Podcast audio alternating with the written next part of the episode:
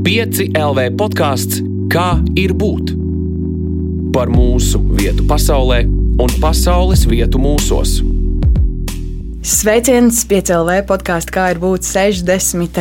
epizodē. Mans vārds joprojām ir Elīna Balskara, un tad mēs tiekamies ar uh, kārtējo unikālo stāstu. Un um, arī stāstus mēs kolekcionējam. Beig beigās, man liekas, mēs visi esam kaut kādā lielākā vai mazākā mērā kolekcionāri. Un uh, labākās kolekcijas droši vien atrodas mūsu atmiņās un domās, un beig beigās visa dzīve kļūst par dažādu pieredžu kolekciju. Taču ir cilvēki, kuri burtiski dodas dziļāk un meklē kolekcionējamās vienības zem mūsu kājām. Dažreiz bīstami, vienmēr aizraujoši un uh, reizēm arī ļoti dārgi. Tādi ir atradumi, kas nonāk to cilvēku kolekcijās, kuri meklē dodas ar metāla detektoru. Um, es domāju, būsim godīgi. Visticamāk, liela daļa no mums ir uh, vienmēr gribējuši to vismaz nedaudz izmēģināt. Un, lai mēs saprastu, kā tas ir, uh, pie manis šodien viesojas Dāvis Šīra. Čau, Dāvi! Čau, Elīna! Um, es uzreiz klausītājiem izstāstīšu, ka mums patiesībā pirmo reizi bija tāda kārtīga iesildīšanās pirms uh, epizodes ieraksta, jo Dāvis atnāca ar mugursomu, um, izvilka savu detektoru, izvilka dažādas savas atradumus un, un ļāva arī man pamēģināt, uh, es gan studijā, protams, neko nemeklēju, bet uh, vismaz iedomāties, kā tas ir staigāt pa mežu un kaut ko meklēt. Dāvi izstāsta klausītājiem, lai viņi saprot ļoti īsumā, kas tas ir, kā tas strādā. Un ko tu šodien esi atnesis arī? Jā, čau visiem vēlreiz. Mani sauc Dāvis, un mans hobijs ir staigāt ar metāla detektoru. Un eh, pāris vārdos tas ir veids, kā uh, pavadīt laiku pie dabas, atrast vēstures liecības, paturēt vēsturi rokās un beigās izdarīt arī kaut ko labu sabiedrībai. Uh, tas ir piemēram uh, attīrīt dabu, kurā tu esi, lauks, mežs, sprādzienbīstamos priekšmetus likvidēt. Un, iespējams, ja paveicas, atrast kādu lietu, ko nodot arī muzejam. Tas ir tas mans hobijs, staigāt ar metāla detektoru un meklēt vēstures liecības. Kā tu ar to sāki nodarboties?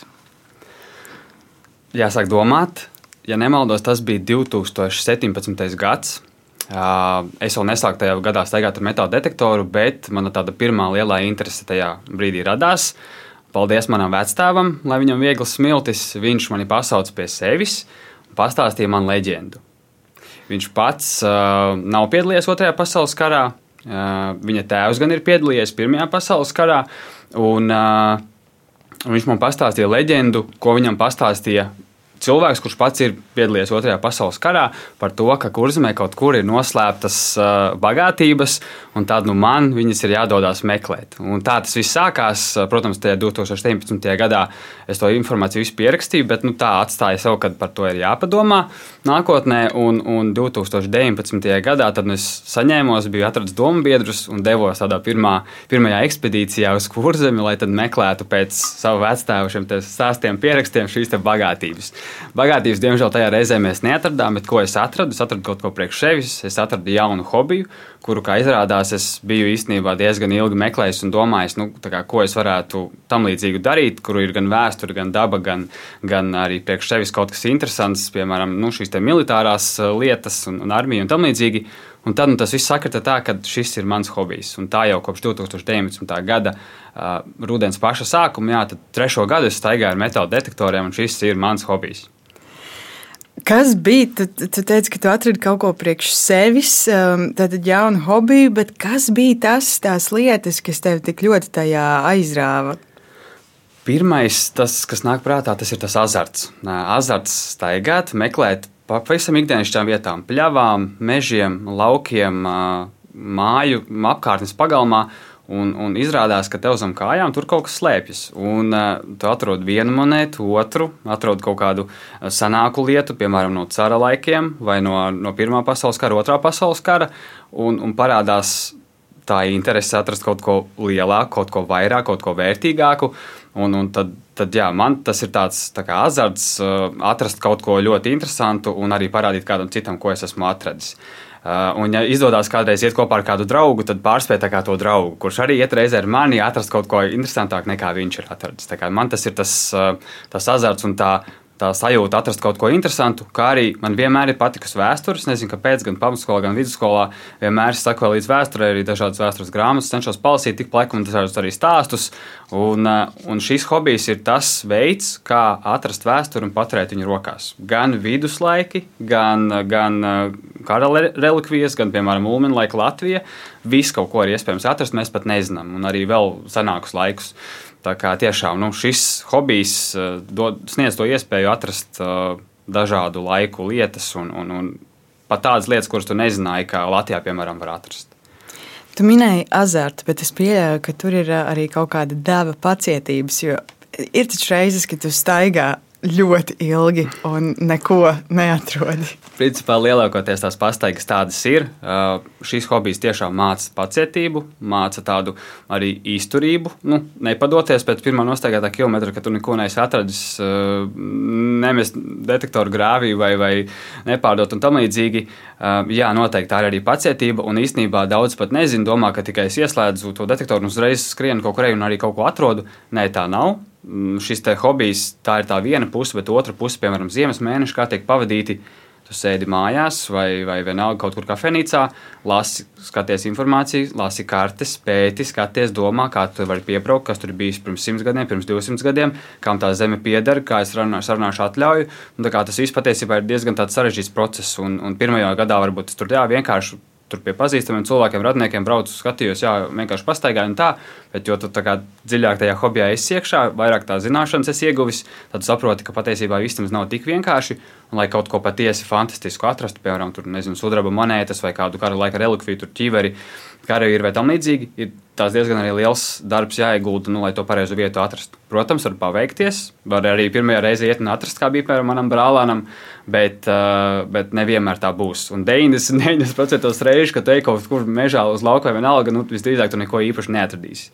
Bet tu mācies no tās pieredzes un ej nākamajā reizē jau labāk sagatavojies un ar to pašu mērķi un tad uztrāpt to īsto vietu, tur bija ceļš, māja vai, vai tam līdzīgi, un tad, nu, tad arī kaut kādas tās lietiņas interesantas sāk, sāk parādīties. Tā kā ir, ir, ir jābūt pacietīgam un, un diezgan daudz arī laiks jāvēlta informācijas vākšanai. No tādas labas dienas procentuāli, cik daudz jāsteigā, cik daudz jārok? Kā kurā dienā? Ir bijis tā, ka tu sagatavojies, piemēram, ok, šī sestdiena būs īstā sestdiena, tagad braukšu visu dienu, staigāšu šo metāla detektoru. Nu, visa diena tas ir, piemēram, tagad februārī skatoties no aptuveni 5 stundas, kā no kādiem, piemēram, 10 līdz, līdz no nu, aptuveni 3, 4. Kamēr ir gaišs, kamēr ir labs laiks. Un, uh, Tu dodies šajā pastaigā, un varbūt tā, ka pirmajās 15 minūtēs atradīs dienas lielāko atradumu, piemēram, kādu ļoti vērtīgu vai, vai tādu monētu, kādu savā kolekcijā gribas sen. Uh, Varbūt arī tā, ka tu neatradīsi neko. Varbūt arī tā, ka tu piecās minūtēs, pēdējās piecās minūtēs ejot uz mašīnu. Labi, vēl viens signāls, tad es dodos. Un, un tu ej un pēkšņi 5 metrus no mašīnas, kur tas nolicis mašīnu, izrādās, ka tur tas tavs atradums tevi gaidīja.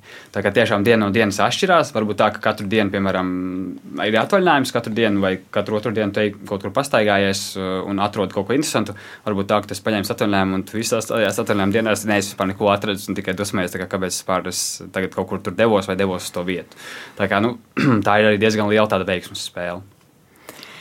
Kad Kur un kā tu atradi savu līdz šim vērtīgāko guvumu? Ļoti labs jautājums par šo vērtīgāko guvumu.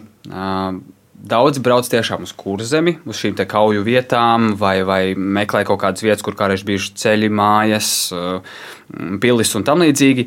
Bet man tas sanāca tā, ka piemājas mežiņā, kurā es vispār nebiju iedomājies, ka varētu būt kaut kas, kaut kas interesants, kaut kas no kara laikiem vai no seniem laikiem vienkārši mežiņš, kurš tur ir jau aptuveni simts gadus, kā izrādās. Daļai jau izzāģēts, un, un, un uh, izdomāja aiziet pa viņu pastaigāt, nu tā tīri, lai saprastu, ka tur ir kaut kas vai nav. Un uh, staigājot pa šo mežiņu, viņš ir tāds nedaudz arī mitrs, tāds purvains. Un, uh, nu, es lielas cerības nelieku, ka tur kaut kas interesants varētu būt. Bet man par pārsteigumu, uh, aptuveni trešajā reizē, kad tur biju uz to mežiņu, kā pa pāris stundām aizgājis pastaigāt, es pagājušā gada sanāk otrajās lieldienās, brīvdienā, atradu šajā purvainajā mežiņā 35 vācu karavīru žetonus.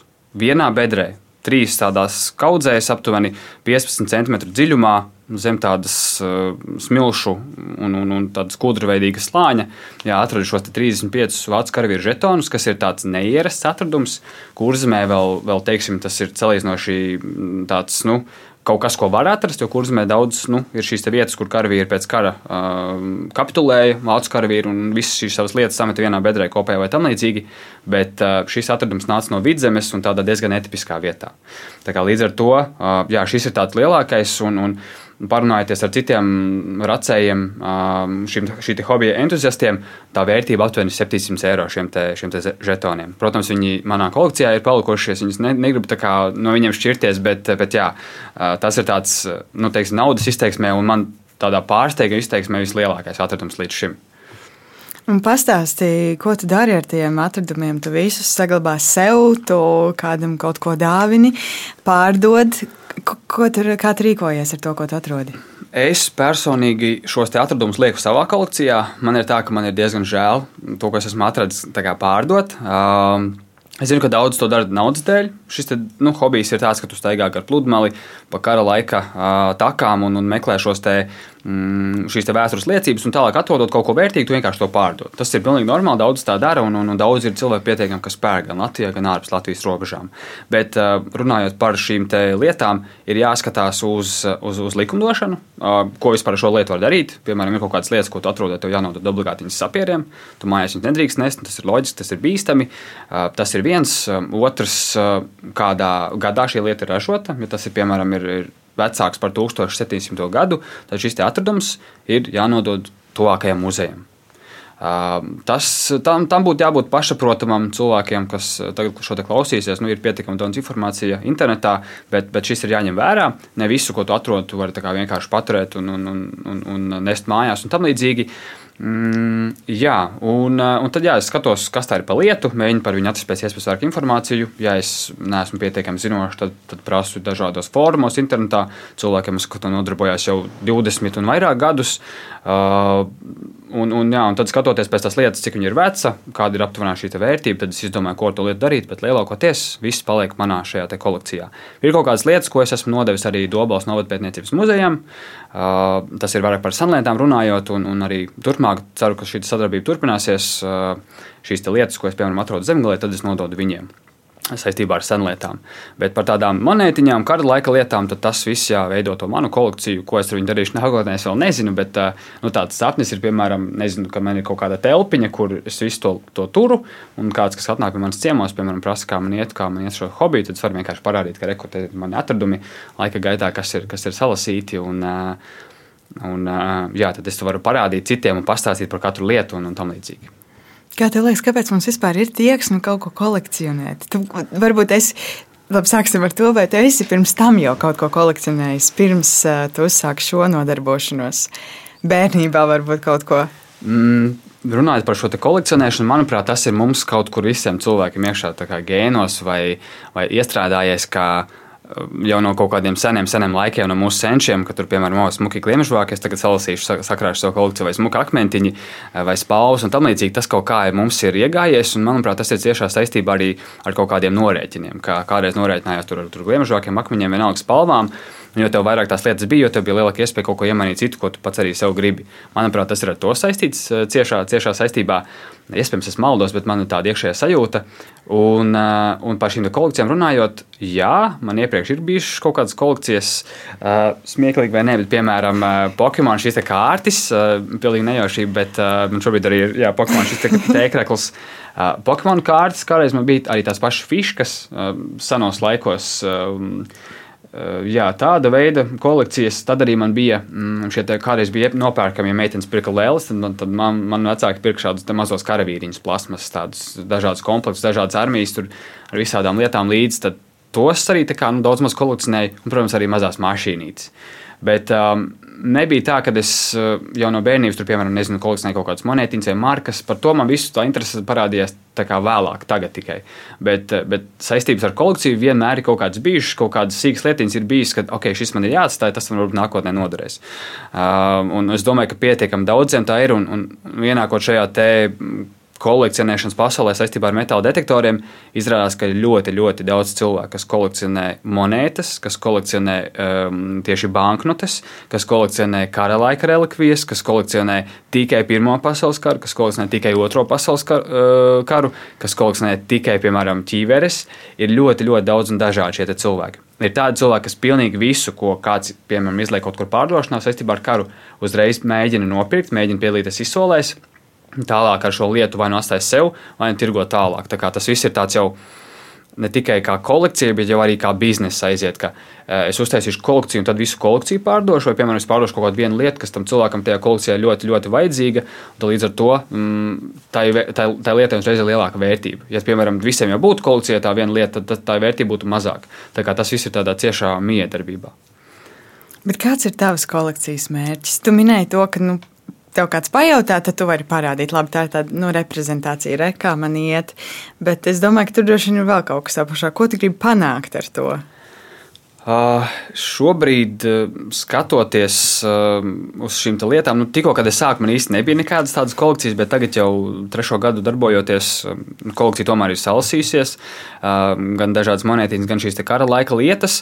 Uh, šobrīd līdz galam vēl man nav skaidrs, ko es ar to visu darīšu, bet es zinu, ka tas ir tāds kā ieguldījums, teiksim, tā nākotnē, jo eh, šīs, te, šīs te lietas, ko es atrodu, viņām vērtība laika gaitā tikai pieaug. Tās lietas paliek vecākas, viņas paliek retākas, nav vairs tik viegli atrast tos pašus kaut kādus karavīru žetonus vai, vai piemēram, eh, vācu šīs medaļas kara laika uh, tas viss paliek arvien grūtāk pieejams, viņam aug cena, un, un nākotnē nu, būs arvien lielāka un lielāka šī vērtība. Tas ir tāds ieguldījums nākotnē. Mm, ja nu gadījumā kādreiz pēkšņi tām lietām vērtība pieaugs, tur šausmīgi milzīgi, varbūt es kaut ko no tā visu pārdošu. Bet šobrīd man tā iekšējā doma ir, ka es taisu to savu kolekciju, mēģinu viņu pēc iespējas uztaisīt dažādāku, interesantāku, lai pašam ir prieks un, un iespēja sakrāt tās lietas um, pēc iespējas vairāk. Un, un jā, šobrīd kāds notiek, kāds pie manis atbrauc ciemos, parunājam par kaut kādām vienkāršām lietām, tad, tad man jautā, nu, kā tad ir to hobiju, ko tas labi atradis. Un tad, tur, piemēram, tur, nu, atnes parāda pēdējās trīs interesantākās lietas, ko tas atrast vai tam līdzīgi, un tad es vienkārši tur, nezinu, draugiem, ģimenei vienalga at, at, atnāk un, un parāda šīs lietiņas, ko es esmu atradis. Tu esi arī šodien atnesis pāris lietiņas, vai tu vari pastāstīt klausītājiem, kas tas ir, ko tas atnesis, kas ir tas stāsts apakšā, kāpēc tieši šīs lietas? Jā, pāris vārdos mums šeit uz galda stāv uh, Vācu pasaules, uh, otrā pasaules kara vācu karavīru žetons. Viens uh, alumīnija diezgan labi saglabājies, tur tādi uzraksti virsū, mm, kas tas par karavīru viņa bijis, ir, un vēl informācija par viņa vienību. Tad ir viens. Vai tas ir tas no tās bedres? Tas nav no, tas no tās bedres, tas ir no kurzemes. Okay. Tas ir kurzemes šis žetoniņš, un viņš bija principā pašā virzemē. Tā kā man atlika tikai sūnas notraukt nost, un apakšā šis žetoniņš spīdēja, kā, kā tikko nomests, lai gan pagājuši gandrīz 80 gadi. Tad ir ļoti līdzīgs, gandrīz tāda paša modeļa Pirmā pasaules kara žetoniņš. Turpat virsū ir karavīra vārds, uzvārds rakstīts. Te viss ir tādos skaisti iesaņots maisiņos. Es jūtos jā, nedaudz kā muzejā. Tas ir domāts, lai, jā, lai tas, Protams. tā lietiņa nesabojājās. Stāstu klausītājiem, lai viņi saprot, mm -hmm. par ko mēs te runājam. Visas lietiņas jāiztur maisiņos, tādos mazos parastos mēsnos, kur ir ciet, lai šīs lietiņas jā, nesabojājās, neaprušājās un tam līdzīgi, lai viņas nu, pēc iespējas saglabājās uh, labākas. Un es viņas nu, esmu vienīgais paturējis iepildījis, es neesmu viņas tur nekādi apstrādājis un tam līdzīgi, jo šīm lietām arī līdzīgi kā monētām, ja viņas sāk ar kaut kādām ķīmijām apstrādāt un tam līdzīgi, tad uh, šī vērtība var kristies. Tāpēc es viņas mēģinu turēt tādas, kādas viņas ir. Protams, ja tas ir kaut kāds cinks vai, vai cits metāls, kas slikti saglabājās, tad gan ir jāskatās, ko viņi darīt. Iespējams, tur kādas darbības ir jāveic. Bet visādi citādi par šo pagaidām neesmu tik zinošs, tāpēc to nedaru. Bet, bet jābūt uzmanīgam. Jā, nemēģiniet tur arī atrodot kaut ko pašu, nemēģiniet tīrīt. Tiešām var sanākt, sanākt ziepes un, un šī vērtība var pazust. Tad, kas man vēl ir šeit maisiņā, ir, ir, ir Latvijas ulmeņa laika monētiņas, dažādas, kas ir atrastas. Tur viens, divi santīmi mūsu monētas, šeit lati, gan arī jaunie lati, gan, gan vecie lati. Es teiktu, ka ir skaistākās monētas pasaulē. Cik manuprāt, ļoti skaists viens manuprāt, santīms. Jā, skaistāks monētas par šīm nav. Wow. Šīs 1, 2 un 5 centimetri ir bronzas monētas. Ļoti labi signāli parasti. Un jau pēc augstas principā var pateikt, kas tur apakšā ir. Tu pēc skaņas vari pateikt, kas Jā, tur ir. aptuveni. Uz lauka, piemēram, staigājot, ja, ja sanāk atrast, piemēram, vienu monētiņu, ja es esmu pieredzējis pie tā aparāta, ko es staigāju, es jau pēc, ausar, nu, pēc skaņas varu pateikt, ka, ok, izklausās pēc viena centīma, piemēram, vai izklausās pēc pieciem centīmiem. Reizēm, reizēm arī nu, mal, maldinošs tas signāls ir, bet, ja sevišķi tur, piemēram, viens centīms ir bijis, tad paiet tālāk un jūt vēl vienu tādu pašu signālu, tad skaidrs, ka visdrīzāk būs vēl viens centīms. Tas nozīmē, ka tas aparāts maina savu signālu atbilstoši tam, ko viņš tur jūt. Atkarībā no tā, no kāda materiāla šis atradums mm. apakšā ir kāds metāls. Jā, tā kā to var diezgan labi uztrenēt un dzirdēt. Spečki jau, jā, ja ejot, piemēram, pa pļauju, zina, oh, tā ir monēta, tas ir krāsainais metāls, tas ir alumīnijas, piemēram, un, un, un tā ir bronza. Tā kā to visu var uztrenēt, ah, tas ir lielāks mērķis, tas ir mazāks mērķis. Tā kā tiešām netērē lieka laika rokot kaut kādus dzelžus, bet tieši tas, kas tam pašam cilvēkam interesē. Tad šeit vēl mēs varam paskatīties uz svastiku, otrā pasaules kara vācu ievainojuma zīme. Es tās visas lietas saucu par medaļām, zinu, ka nav korekti, bet, bet jā, šīs ir kā zīmes. Ievainojuma zīme, uzbrukuma zīme un, un, un jā, par labu šaušanu, par, par, par visu kaut kādiem rezultātiem. Un tad tu šo atrodi. Un tad tu, lai saprastu, kas tas ir, kas ir tas, kā tu rīkojies, jo tu zini, kas, nu, es nezinu, kas tas ir. Es atrastu, man tas droši vien neko nenozīmē. Jā, tic vai nē, bet uh, daudziem tā ir, ka tu kaut ko atrod un tu vispār nezini, kas tas ir. Tad, oh, kaut kas ļoti interesants, bet man nav jausmas, kas tas ir. Vai tā ir sakta, vai tā ir medaļa, vai tā ir. Jo šī pēc būtības nu, ir tāda, pie, tāda piespraudīta, lai klausītāji saprotu, šī ir tāda piespraudīta, tumša. Jā, nedaudz tāda. Tie, kas zina vācu ievainojuma zīme, tā kā šis te šī sanāk tā melnā ievainojuma zīme par to, ka tu esi bijis satraumēts, ja nemaldos, vienu reizi. Un, un tad, tā, kad tu esi satraumēts, tad tev pienākā šī, te, šī te zīme, jeb medaļa par to, ka tu esi atgriezies kaujā. Un, Sākumā bieži vien ir tā, ka tikko sākot, tu daudz ko nezini, kas tas ir, ko tas atradis, bet uh, svarīgi ir pirms tu darbojies tālāk ar to lietu, uzzināt pēc iespējas vairāk informācijas. Lai no tā, ka tu atrodi, uh, nu, kaut kādu lietiņu man īsti tādu nevajag, es viņu pārdošu. Izrādās, ka tu viņu pārdevi par 20 eiro, bet izrādās, ka viņa beigās ir vērta piemēram 120 vai tam līdzīgi. Tā kā ir svarīgi iet pie kādas mm, gudrāka, mm, pajautāt šo viedokli. To var ļoti viegli izdarīt internetā. Ir ļoti daudz dažādu šie fórumi, kur, kur iespēja pajautāt kādam viedokli, un, un, un, un cilvēki pietiekami daudz tev atbildēs, pastāstīs sīkāk, kas tas ir un parādīs, kur to informāciju meklēt. Tāpat arī var izmantot pavisam vienkārši, ja negribu nevienam jautāt, izmantot uh, Google meklētāju, piemēram, atrast pēc bildes, kas tas ir, pameklēt līdzīgus, un angļu, krievu, latviešu valodā atrast kaut kādu informāciju par to konkrēto lietu, ko tu esi atradis. Tā kā informācija tagad jau ir ļoti daudz, ir internets, ir, ir visas iespējas noskaidrot. Ja gadījumā pat internets nevar palīdzēt, nu, tad tiešām iesaku vērsties muzejā, tuvākajā, nu, to noteikti kāds no vēsturniekiem, arheologiem pastāstīs, kas tas īsti ir, ko tu esi atradis, aptuveni kura gada un kas tev tālāk ar to lietu būtu jādara. Man radās jautājums, ņemot vērā, cik daudz laika tu šajā ieguldi, un tu pats piemini tādas profesijas kā arheologs, vēsturnieks, tu jau ej šajā virzienā. Kas tas, ar ko tu nodarbojies savā ikdienā, vai tas arī ir kaut kādā veidā saistīts ar uh, kaut ko no šī? Mm, muzeji, uh, vēsture, arheoloģija, mm, kaut kādi kultūra vēsturiskie pieminekļi, tas man viss ļoti patīk. Es mēģinu apmeklēt dažādas vietas Latvijā un, un sekot līdzi, kad parādās kādas jaunas apskates vietas, un kad kaut kas interesants ir atrasts un tam līdzīgi. Bet man ar, ar muzejiem nav īsti nekāda saistība. Es ikdienā, ko daru, es tirgoju elektroenerģiju un dabasgāzi. Tā kā ja kādam vajag elektroenerģiju, dabasgāzes uzņēmumam, dodiet man ziņu. Bet, bet jā, es esmu nu, tālu tā no šī visa lauciņa. Bet, tiešā saistībā mans hobijs ir ar, ar šo vēsturi, un līdz ar to sanāk arī ar, ar dažādiem muzejiem, aprunāties vēsturniekiem un tam līdzīgi. Mm, un arī ar, piemēram, karavīru, šo kritušo karavīru meklēšanas viedību leģendu, kas ir sava veida arī arheologi, bet tieši par, par militāro lauciņu. Tā kā jā, šīs hobijas palīdz tiešām aprunāties ar dažādu nozaru, nozaru pārstāvjiem un, un, un uzzināt daudz visādas interesantas lietas, ko nu, vienkārši trīs gadu laikā esošajā hobijā tu nevari pats uzzināt, bet aprunāties ar cilvēkiem, kas tajā nozarē jau strādā, tur, piemēram, 30 gadus, ir ļoti, ļoti interesanti.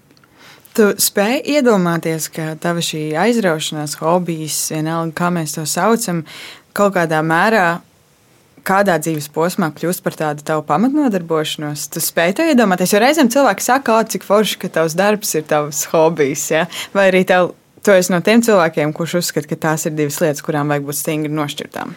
Nē, tām noteikti nevajag būt stingri nošķirtām. Um, Bet šobrīd, skatoties, ja es, mm, nu, piemēram, ir jāatrod veids, kā ar savu hobiju arī pelnīt. Un šajā gadījumā tad, uh, tos savus atradumus, ko es atrodu, es zinu, ka cilvēki tiešām ir tādi, kas, kas staigā un arī visu savu laiku, principā, brīvo veltu šim hobijam un, un savus atradumus visus pārdot un tādā veidā izdzīvo. Tas ir, tas ir labi, tā var darīt, bet tad tiešām tur ir jābūt ļoti zinošam, jāzina pareizās vietas un tiešām viss savs brīvais laiks ir jāvelta tam. Bet nu, tad, tad to var, var saukt par hobiju, jo tomēr tas jau sāk palikt kā tavs darbs. Un, Un es jā, šobrīd neredzu, kā es varētu, piemēram, pārslēgties uz. Es gan gribētu, protams, būtu, liekas, šobrīd, kad būtu baigi, baigi patīkami to darīt kā, kā darbu, bet Mm, nu, šobrīd es to atstāju hobija līmenī. Nākotnē, iespējams, attīstoties, piemēram, sociālajiem mēdījiem, kuras arī cenšos tos savus atradumus parādīt gan foto, gan video formātā.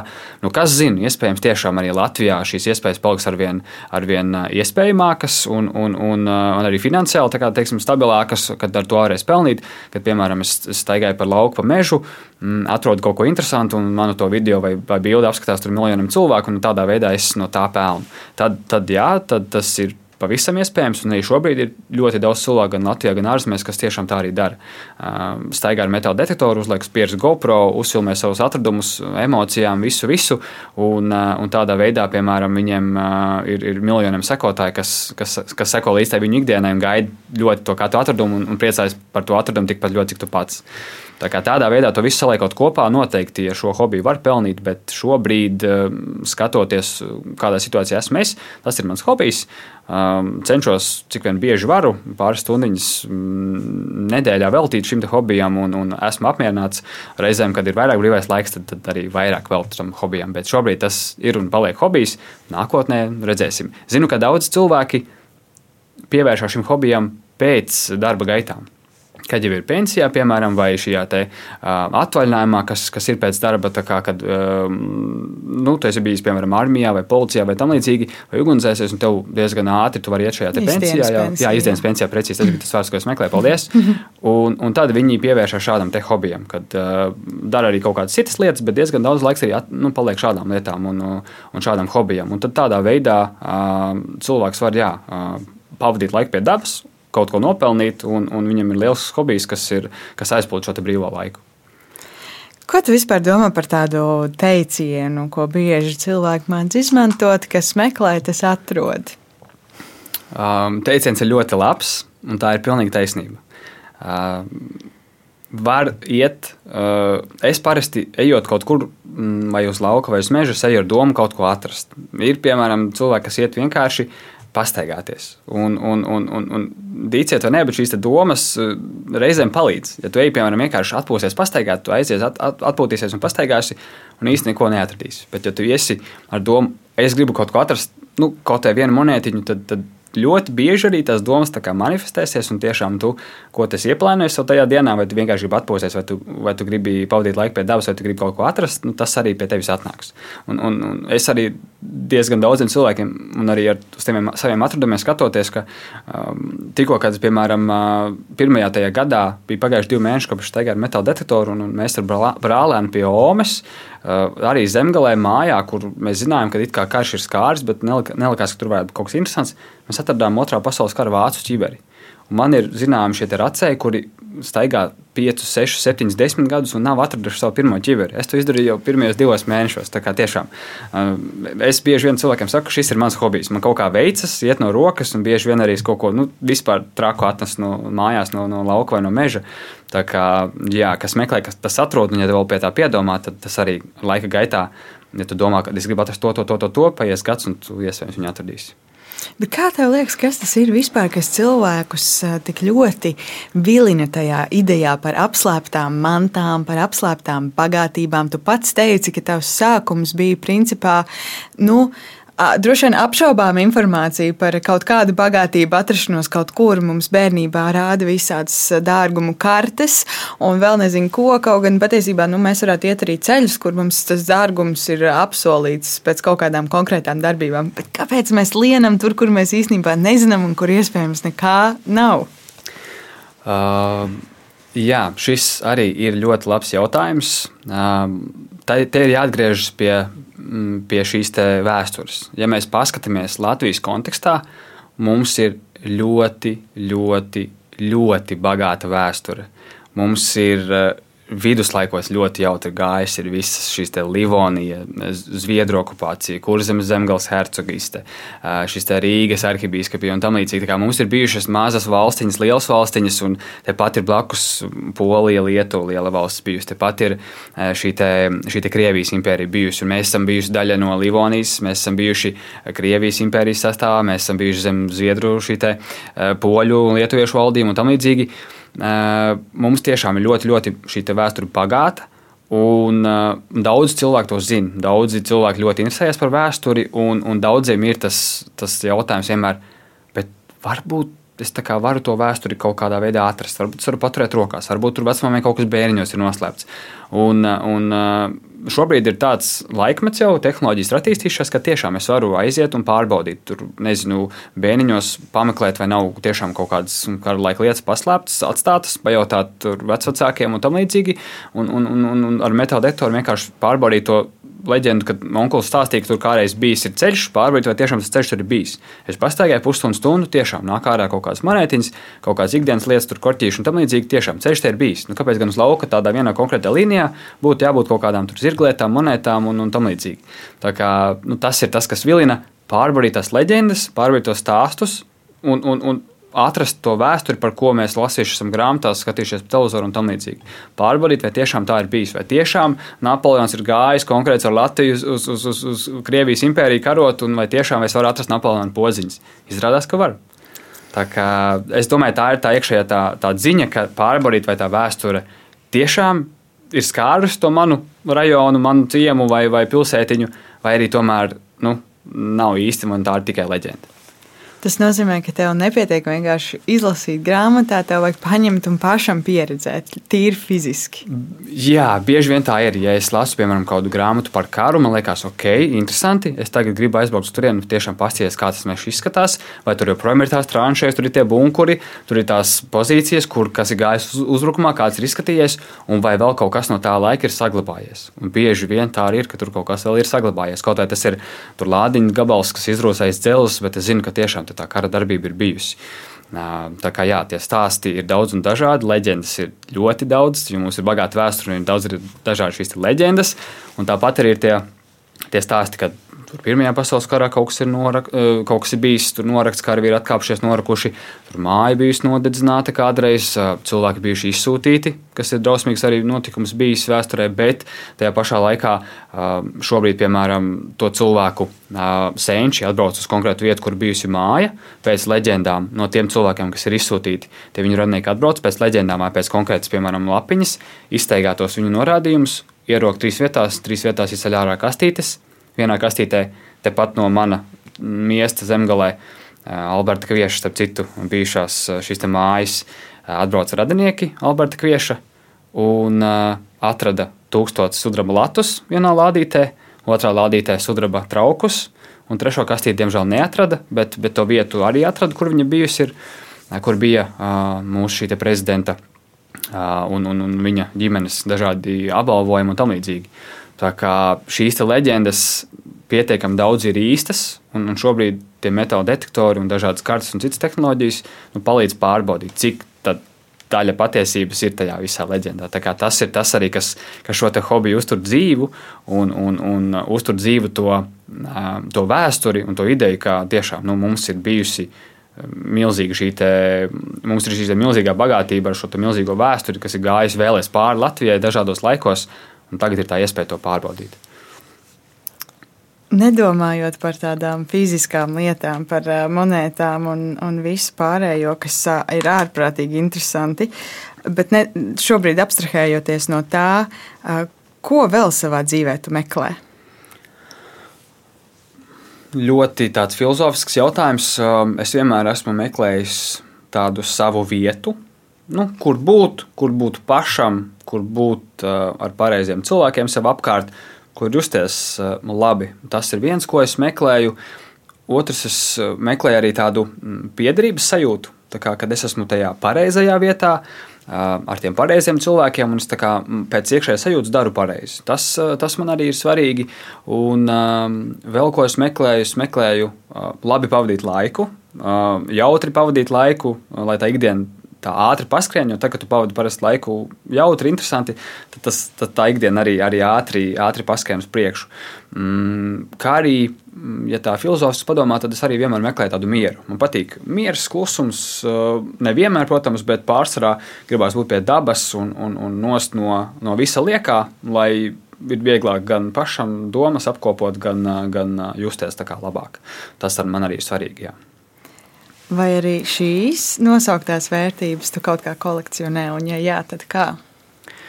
Uh, es teiktu, tā viņas varbūt nevis kolekcionēju, bet cenšos tā turēt uz tādiem svariem. Tā lai viss ir līdzsvarā, lai nav nekas par daudz, par maz. Jo tajā brīdī, kad ir kaut kas par daudz, par maz, tad, tad ir kaut kādas tādas nu, sliktākas emocijas, kaut kādas nesaprašanās, kaut kādas dusmas uh, un, un, un, un kaut kas pietrūkst. Bet kā, ja izdodas visu šo līdzsvaru uzturēt, būt pareizajā vietā, justies labi gan ģimenē, gan, gan darbā, gan, gan ikdienā un tam līdzīgi, tad, eh, tad, jā, tad ir tas miers, tad ir tā piepildības sajūta un, eh, un liekas, ka tu visu dari pareizi. Jo, ja kaut kas iztrūkst, ja, piemēram, tur kaut kas darbā nav labi, vai, vai tev nav kaut kāds hobijs, kur likt to savu brīvo laiku, tad kaut kādā brīdī radās šis, te, šis te disbalans, diskom, diskomforts, un, un tu sāc justies eh, kā ne savā ādā, ne savā vietā. Tāpēc svarīgi ir atrast tās, tās, tās savas vērtības un jā, turēt viņas tādā savā līdzsvarā. Un tagad, saliekot to visu kopā, vai tu vari izstāstīt īsumā, kā strādā tas pats metāla detektors, kādi ir tie principi? Un ko no tiem principiem mēs varam mācīties, meklējot tās dzīvē, tās vērtības, ko tu minēji? Mm -hmm, ok. Uh, jā, varam mēģināt. Tad, uh, atgriežos atkal pāris gadus atpakaļ, tad es sāku tikko ar pilnīgi vienkāršu metāla detektoru. Svarīgs tāds noteikums, pērkot pirmo detektoru, visbiežāk nu, pirkt tādu vienkāršu un pirkt jaunu, lai nav tā, ka tu nopērci un kāds jau ir nolietojis viņu, un tu tur īsti nesaproti, kas un kā strādāt. Bet jā, es nopirku pavisam vienkāršu metāla detektoru, ar ko es sāku. Viņš vienkārši teica, rots. Tur kaut kas ir metāls, rots. Tagad ir pagājuši jau, jau, jau pāris gadus priekšu. Šobrīd tehnoloģijas arī ir krietni attīstījušās. Un, uh, Man tas metāla detektors uh, strādā arī pavisam vienkārši. Es viņu ieslēdzu, protams, viņš ir jāuzlādē līdzīgi kā telefons. Es viņu ieslēdzu, un, un tajā brīdī, uh, kad es staigāju, metāla detektors man saka, te ir liels mērķis, te ir mazs mērķis, te ir krāsnais metāls, te ir šis te dzels. Un, uh, un tad jau viss atkarīgs no tevis. Vai tu raksti to signālu, vai tu viņu neraksti. Kā tev pašam likās pēc skaņas un pēc tiem cipariem, kas ekrānā rādās. Tas ir kaut kas vērts, lai tērētu laiku, savu enerģiju un raktu šo signālu, vai tomēr tas nav tā vērts, nav vērts tava laika, tavas enerģijas, un, un tomēr tu šo signālu neraksti. Um, es domāju, ka um, skatoties, um, kā tas metāla detektors strādā, tad, tad nu, ko tu vari pamācīties, ko es arī esmu pats iemācījies, tā ir pacietība. Jo reizēm ir tā, ka tu skrien pāri tur, nezinu, mežam, laukam, un, uh, un tev gribās visus tos signālus rakt un visam skriet pakaļ. Un arī reizēm tā dzīvē ir, ka tev gribās nu, visu paspēt, uz visām pusēm skriet, visu darīt, bet, bet ir jāizvērtē tās prioritātes. Ko tu tiešām darīsi, ko tu nedarīsi, kas tev ir vajadzīgs, kas tev nav vajadzīgs, ko tu vari pārcelt uz vēlāku. Tā, tas, tā ir tā viena lieta. Otra lieta, jo mēs pieskaramies, tā ir tā pacietība. Nu, kad tu vari nostaigāt visu dienu, neko neatrast, bet nevajag nokārt degunu, nevajag padoties. Ja tu zini, ka tā, tā vieta, piemēram, tas, tas mežiņš vai tas lauks vai vienalga ir, ir, ir interesants, nu, mēģini nostaigāt pēc iespējas lielāku šo daļu un tad izdara secinājumus. Tāpat arī dzīvē, sāc kaut ko jaunu darīt, sāc jaunu darbu un, un tam līdzīgi. Mm, satiecies ar jauniem cilvēkiem, nu, uzreiz nepadodies. Tā kā ja kaut, kas, kaut kas sākumā nesnāk, tikpat labi varbūt nebija tā labākā diena vai tas labākais garstāvoklis tev vai tam cilvēkam, un, un, un, un nu, mēģini vēlreiz un, un pārliecinies, un tad izdara secinājumus. Tas, tas vēl ir jā, svarīgi, manuprāt. Kas vēl būtu tāds svarīgs arī, nu, vienalga aizraujoties ar jaunu hobiju vai tam līdzīgi, atrast arī to līdzsvaru tikko es nopirku metodu detektoru, man bija, man bija tā, ka man gribējās katru dienu iet ar viņu staigāt. Un, protams, tas nav fiziski un arī garīgi iespējams. To nevajag darīt, jo tas entuziasms pirmo stundu ir, un tad tu sāc ļoti pagurt, un, un, un tu vairs neizbaudi to procesu. Jo tomēr tas ir diezgan fiziski ir staigāt, rakt un, un, un, un darboties aktīvi un, un mēģināt saprast, ko tas atradas un tam līdzīgi. Un pēc tam to visu arī iznest ārā no meža.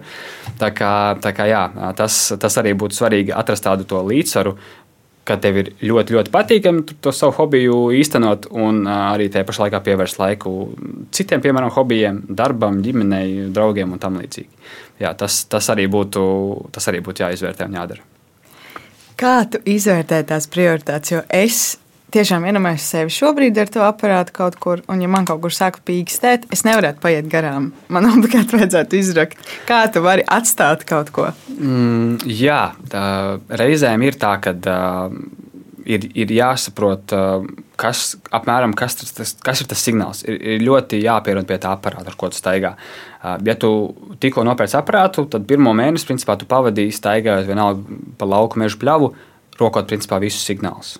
Tad, kad tu jau esi palicis gudrāks, tad, kad tu esi jau tāds, um, jau, jau ieguvis pieredzi, ok, ir, šis signāls ir tas, tas, šis signāls ir tas, šis signāls man liekas, ir tas, un tad es viņu izroku, un tiešām tā arī ir. Tad es saprotu, ok, uh, šo var vairs nerakt, jo tas ir folijas. Tas man neinteresē, tas lai paliek, tas, tas kādam citam tiks.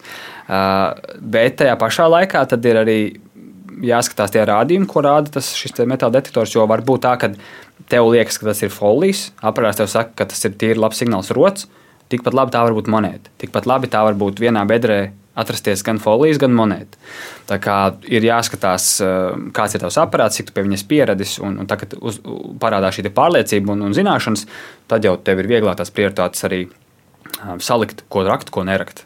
Jo pirm, pirmos mēnešus ir skaidrs, tikko sākot šo hobiju, vai ar jaunu aparātu staigājot, ka tu vienkārši mācīsies un pavadīsi rokot visu caur dienu, bet paies laiciņš, un tad jau tu koncentrēsies tikai uz tiem pašiem spilgtākajiem signāliem, pašiem, pašiem labākajiem šiem cipariem, kas rādās ekrānā un korelē ar šo skaņu. Un, un tad, jau, tad jau tas laiks paies vairāk, kad tu staigā un meklē šos labos signālus, nekā ka tu rodas pilnīgi visus. Daudz kas varbūt klausīsies, teiks, ak, Dievs, nē, nē, nē jārok pilnīgi visi signāli palaid tik daudz ko garām, bet uh, atgriežamies pie tās pašas tēmas, ka ir tehnoloģijas attīstījušās un tev pasaka priekšā. Dāvi rots vai dāvi nerots. Kā, kad tu būsi labs draugs to savu jaunu aparātu, tad tu zināsi jau, ko darīt un ko nedarīt. Tu ej viens vai ar kādu kopā? Uh, dažreiz kaut kādās konkrētās vietās iet ir vienam bailīgi. Tas ir, to es godīgi pateikšu. Sākumā varbūt ļoti neizjūtu, bet tādās vietās kā, piemēram, Kurzeme, kur es zinu, ka tur ir gājuši simtiem tūkstošiem cilvēku bojā, uh, atros, atrasties mežā vienam vai vienam, vienam meža, meža konkrētā stūrī uh, nav omulīgi. Reizēm ir tāds sajūta, ka kāds tevi skatās, reizēm ir tāds sajūta, ka uh, tu neesi viens. Man ir bijušas kādas piecas reizes, kad es, es eju. Un visu laiku gribās atskatīties. Kā liekas, man kāds seko. Un, un pēc kaut kādas brīdis izrādās, ka es esmu kādu laiku gājis kopā ar buciņu. Uh, ir tā bijis. Ir bijis tā, ka uh, es vienkārši eju un es pēkšņi sasalstu stāvu. Un es skatos, izrādās, uh, Es pagriežos un redzu, ka tur sēž lapsa. Un viņi tā kā man redzēja, jau, bet es viņu neredzēju. Un es vienkārši viņu uzskrēju virsū gandrīz. Tad sapratu, ok, tā ir viņas vieta, es iešu citur, es dodos citur. Uh, jā, tā kā braucot parasti uz tālākām vietām, uz kaut kādām sešām vietām, uz, uz, uz mežiem, es parasti cenšos atrast kādu kompāņonu, ar ko, ar ko doties mežā. Man ir pietiekami daudz draugi, kas līdzīgi kā es sākuši tagad ar metāla detektoru vai vienā laikā ar mani, vai nedaudz pirms, vai nedaudz pēc. Uh, manis dēļ varbūt ir sākuši šo hobiju, jo kaut kādiem cilvēkiem jā, šis viss mm, diezgan, diezgan patīk, kā izrādās. Un uh, tad es cenšos jau uz tādām sešākām vietām doties ar kādu kopā. Ja tas ir kaut kur, piemēram, tuvu manām mājām vai, vai pie kādiem radiniekiem vai tam līdzīgi, um, tad es arī aizbraucu viens, nav nekāda problēma.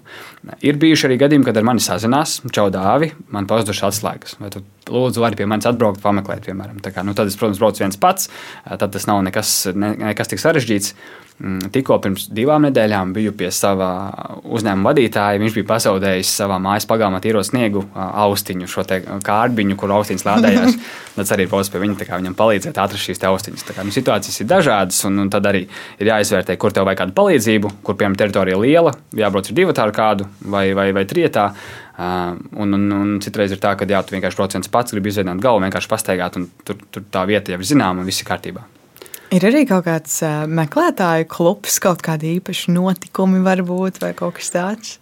Īstenībā ir, jo šis hobijs ir tāds, kur tu arī, piemēram, Covid laikā vari pilnīgi droši staigāt ar kādu kopā. Nu, labi, vienā mašīnā varbūt nevajadzētu braukt, bet, piemēram, jā, satikties mežā un pastaigāt kopā pilnīgi droši. Tur būs vairāk kā divu metru distance un, un, un svaigā gaisā pavadīt laiku ar draugiem. Tas ir, tas ir forši. Uh, jā, ir daudz un dažādi šie te, mm, fórumi, internetā speciāls mājaslapas, kur notiek komunikācija, informācijas meklēšana, lietu pārdošana, mainīšanās un tam līdzīgi. Uh, Atsevišķi šie portāli. Uh, nu, varbūt nevienu nesaukšu, bet nu, tie, kas, tie, kas zina, tie zina, tie, kas nezina, tie var pameklēt informāciju.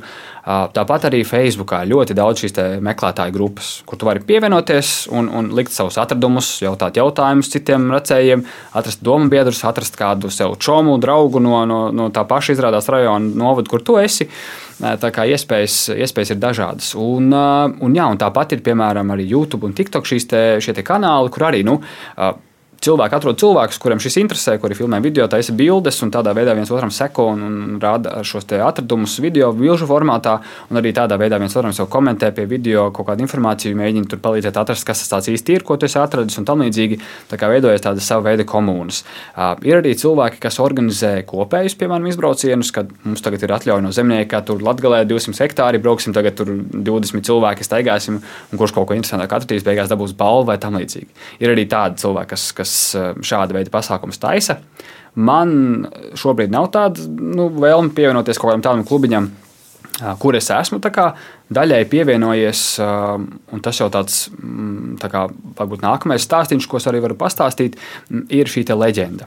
Kritušo karavīru meklēšanas apvienība, tā Ališa Ešmits vadītājs ir Ešmits, un, un, jā, tad ar šiem cilvēkiem kopā mm, ir bijušas man vairākas tās ekspedīcijas, kur mēs braucam un, un, un kopā meklējam kritušos karavīrus. Tā kā ir arī šādas apvienības, kuras jau darbojas kā biedrības un meklē šos kritušos karavīrus ievāc informāciju. Starp citu, šobrīd labākais informācijas avots daudz domā, ka ir internets, bet patiesībā labākais informācijas avots priekš dažādām vēstures liecībām ir, ir līdzcilvēki, ir, ir paši, tie, kas paši to ir piedzīvojuši. Un, un runā ar šiem cilvēkiem, meklē informāciju, un pēta kartes, un sazinās ar, ar Lietuvu, ar Igauniju, Poliju, Krieviju un tam līdzīgi Vāciju, un, un meklē šīs vietas, kur šie karavīri varētu būt krituši, un, un, un uh, viņus ekshumē un pārbedīja labākajā gadījumā ģimenes kapsētā, bet uh, arī ļoti labs eh, variants ir šajos brāļu kapos kopā ar kritušajiem biedriem. Tā kā ir arī tādas apvienības, kas jau nopietni ar visu ekipējumu, vēl, vēl trakāku nekā man, brauc un visas savas dienas pavada nevis kā hobiju, meklējot kaut kādas konkrētas lietas, bet gan darot, es teikšu, tādu sabiedrībai ļoti labu darbu, meklēt šos kritušos karavīrus un, un veiksmības gadījumā arī viņus atrast, identificēt un, un, un nodot tālāk ģimenēm vai jā, šajās brāļu kapu komitejās, eh, brāļu kapos apglabāt. Tas ir tāds otrais jā, jā, segments. Tas ir tik iespaidīgi. Tas process, kas ir aizmugurē, man liekas, ka daudzi iedomājoties par eh, metāla detektoriem, mm, iedomājas kaut kādas vīriņas vai sieviņas, kas staigā un, un, eh, un meklē kaut ko, kas ir labākajā gadījumā vērtīgs. Bet eh, tas, ko tu stāsti par to visu izpēti, kas ir apakšā un, un, un viss pārējais, tiešām ļoti, ļoti iespaidīgi. Un tad jautājums tev personīgi šis vairāk ir par to procesu vai par rezultātu vai par tiem atradumiem? Uh, viss kopā, es teikšu, viss kopā. Man ļoti patīk šis pats process. Uh, pēc darba dienas, sevišķi, kad esi nosēdējis tur 8 stundas pie datora, ok, man ir stāvgalds, bet tāpat ekrāns ir priekšā. Tāpat arī telefonu ļoti gribās paspēlēt tur pēc dienas beigām un, un paskatīties arī kādu olimpiskās spēles televīzijā, piemēram, vai, vai tam līdzīgi. Uh, jā, šis process iziet pie dabas, atrauties no ekrāniem, izveidot galvu, pelnīt svaigu gaisu. Tas arī ir ļoti, ļoti svarīgs un tas ir liels pluss šim hobijam. Bet tajā pašā laikā arī ir, ir ļoti jautri un tas azarts kaut ko atrast. Un, Un trešais tāds, eh, trešā tāda lieta ir tie, tie labie darbi. Atrast kritušos karavīrus, atrast kādam kādu pazaudētu gredzenu, vai mašīnas atslēgas, vai, vai austiņas, vai tam līdzīgi. Arī tas ir baigi forši, kad ir tādas tehnoloģijas, kas tev var palīdzēt. Nu, tas ir vienkārši uzdevums atrast kaut ko pazudušu konkrētā vietā, bet eh, nu, bez tāda metāla detektora, tu to gredzenu nu, nevari atrast. Lai kā tu meklē, skaties, nu, nevar atrast sevišķi, piemēram, pagalmā, kad iekrīt zālienā, vai vienam mm, puisim palīdzēja atrast gredzenu pie jūras. Viņš vienkārši vilka drēbes, viņam bija labs rokas un vienkārši nokrita liels namējas sudraba gredzens. Viņš nevar viņu atrast. Nu, viņš tur bija ķemmējis un, un visi draugi bija palīdzējuši, nu nevarēja kopā atrast.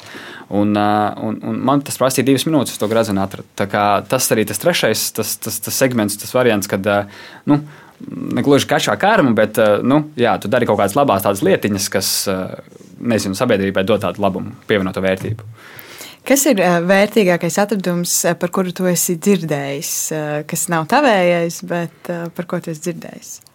Um, par vērtīgāko atradumu, kas ir dzirdēts, tā ir daļēja leģenda, bet nu, to pat ir teikuši nu, pietiekami tādi izglītoti cilvēki un zinoši cilvēki par tām lietām, kā arī zemgalē, arī netālu no manām lauku mājām, ir viens meklētājs atradis zelta saktu, kas ir ļoti, ļoti reta, un tādas pasaulē ir tikai trīs.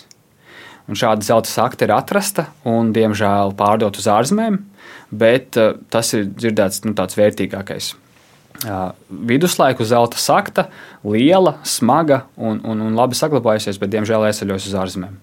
Tas ir tāds dzirdēts no, no, no tā kā, tādiem vēsturiski, ar lielu vēsturisko vērtību.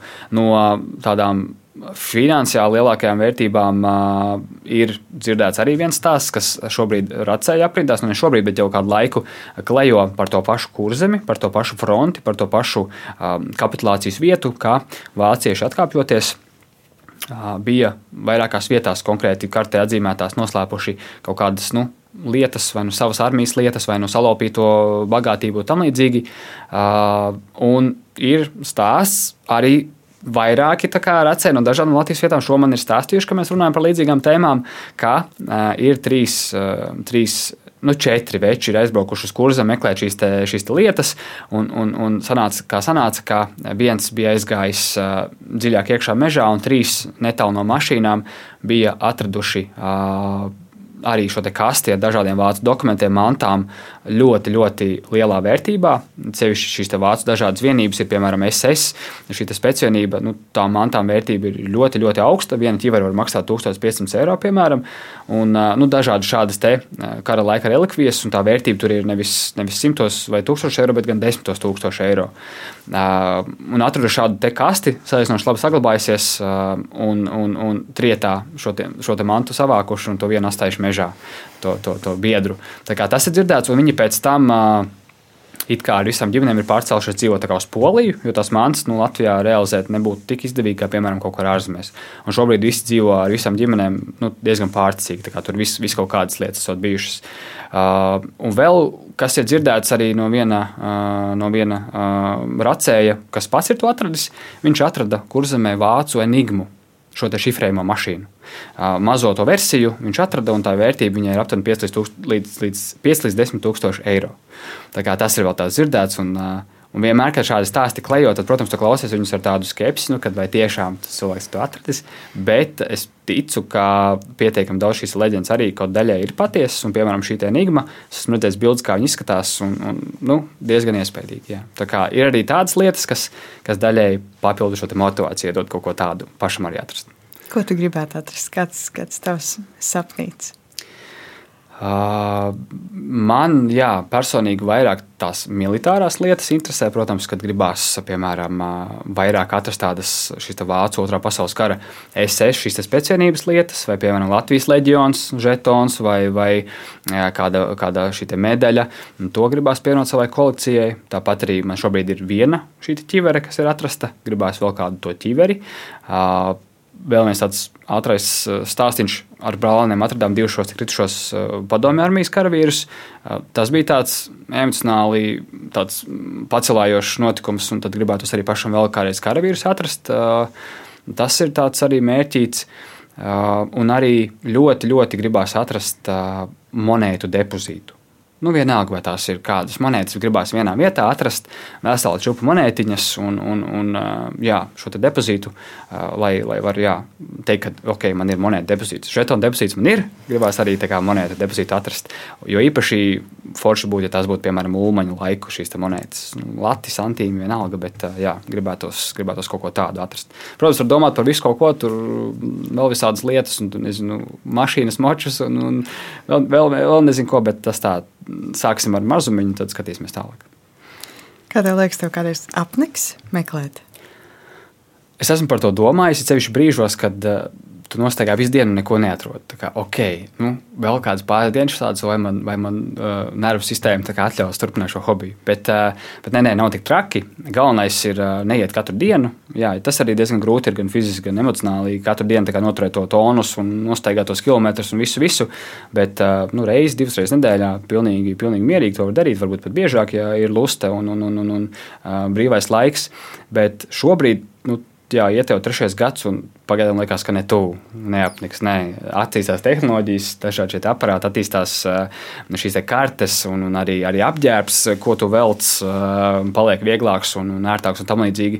Tā kā es domāju, ka man tuvākā laikā šis hobijs neapniks. Eh, es ļoti, ļoti ceru, ka likumdošana laika gaitā nemainīsies. Nu, kad, piemēram, kāds citās valstīs būs aizliegts staigāt ar metāla detektoriem, nedrīkstēs staigāt tur konkrētās tur, nezinu, dienās, vietās un tam līdzīgi. Es ceru, ka tas nenotiks, jo tas hobijs tomēr dod vairāk labumu labumu nekā to ļaunumu. Paliek meži tīrāki, mazāk bīstami un tam līdzīgi. Jā, ir kaut kāda arī tā, tā sliktā racēja daļa, kas tur rokas tādus šos senās vietas un, un lietas, tur, kur nedrīkst. Bet nu, tāds ir, gribētu teikt, ir tāds pavisam, pavisam mazs procents no visiem tiem cilvēkiem. Tā kā, ja nekas nemainīsies tajā ziņā, tad es domāju, ka šis hobijs paliks tikai populārāks un, un es jā, turpināšu tā, kā es esmu iesācis un, un, un iespējams vēl vairāk. Es tev novēlu atrast visu, ko tu meklē, jo, kā tu pats teici, kurš meklē, tas atrod. Um, es um, esmu diezgan lielā sajūsmā par šo. Man, uh, man būs jāuzaicina uz uh, savu lauku māju. Man arī ir pāris leģendas uh, tur. Pilnīgi mierīgi pārbaudīsim, un ko es arī daru. Man nav tas galvenais atrast un kaut ko, piemēram, paturēt. Man nav žēl dot muzejam, man nav žēl dot mājas, piemēram, īpašniekam, zemes īpašniekam. Man galvenais ir piedzīvojums. Piedzīvojums, atrast, pārbaudīt to leģendu, varbūt uzfilmēt video, uztaisīt kādu bildi, bet, bet jā, viss, viss tālāk lielākais, tas jau ir sarunas procesā, kas un kā notiek. Bet, jā, pilnīgi droši. Un, uh, es aicinu cilvēkus bieži vien pastāstīt, nu, tev taču ir lauka māja, tur un tur un pastāstīt. Varbūt zini kādu leģendu, varbūt tev vecāki var kaut ko pastāstīt. Nu, aizbraucam pārbaudām un paskatāmies. Jo tas tiešām uh, daudz pat nezina, kas viņu pagalmā slēpjas un kas tur noticis pirms simts gadiem. Tā kā noteikti jāpārbauda. Paldies, Dārta, par sarunu. Tas bija lieliski. Lielas paldies tev! Paldies par uzaicinājumu! Un paldies arī tev, ka klausījies. Mēs tiksimies jau pēc nedēļas jaunā epizodē. Pagaidām es tev teikšu tā! Atā! Projekts tapis ar Eiropas parlamenta finansiālo atbalstu.